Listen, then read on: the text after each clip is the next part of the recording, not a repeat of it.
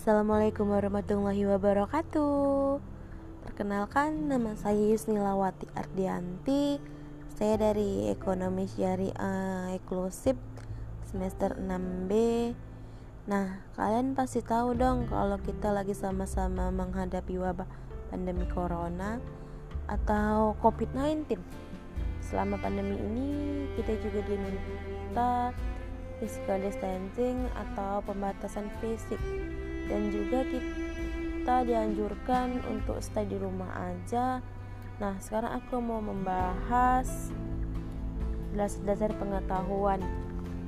Poin pertama ilmu pengetahuan. Ketika seseorang pergi ke pasar untuk melakukan transaksi jual beli barang dengan orang lain ia mengalami peristiwa menarik di mana ia memperoleh keuntungan dari penjualannya yang melebihi dari biasanya dikarenakan hanya harga barang yang ia jual sangat tinggi. Dan poin selanjutnya, ilmu adalah intisari yang paling penting dalam al dalam Al-Qur'an. Kata Im mengambil 105 tempat tempat dalam Al-Qur'an sementara jika dilihat dari kata yang kata kajiannya.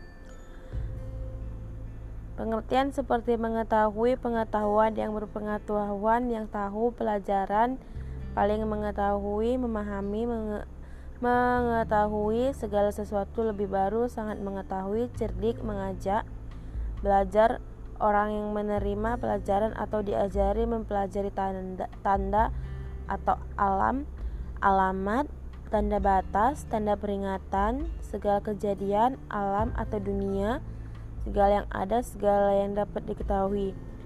Memahami makna ilmu dalam Al-Quran tidak cukup dengan hanya dicari pengertiannya dari kata-kata yang berakar, sebab beberapa kata yang digunakan dalam Al-Quran juga banyak yang bermakna tahu seperti arafa, dara, khabara, sya'ara, ya'is, sya'ara, ya Isa Anakara, Bashira, dan Hakimah. Poin selanjutnya, sumber dan kerangka pengetahuan. Semua pengetahuan pada dasarnya mempunyai tiga landasan yang dapat membedakan antara satu jenis pengetahuan dengan pengetahuan lainnya. Ontologis, epistemologis, dan aksiologis. Ontologis berkaitan dengan objek yang dikaji oleh pengetahuan. Hubungan antara objek pengetahuan dengan daya tangkap manusia yang menghasilkan pengetahuan. Epistemologis berhubungan dengan proses dan metode pendapatan pengetahuan yang benar. Kriteria, cara-cara, teknik, sarana yang membantu dalam mendapatkan pengetahuan. Sedangkan aksiologi berkaitan dengan kegunaan pengetahuan kaitan antara cara penggunaan pengetahuan dengan kaidah-kaidah moral anta, kaitan antara teknik prosedural dalam metode ilmiah dengan norma-norma moral atau profesional.